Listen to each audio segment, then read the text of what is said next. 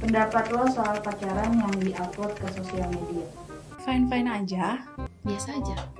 Sah-sah aja sih. Eh, kalau gue bilang sih alay. pendapat lo tentang eh, memberi password sosial media ke pacar Itu lebay. Hal bodoh.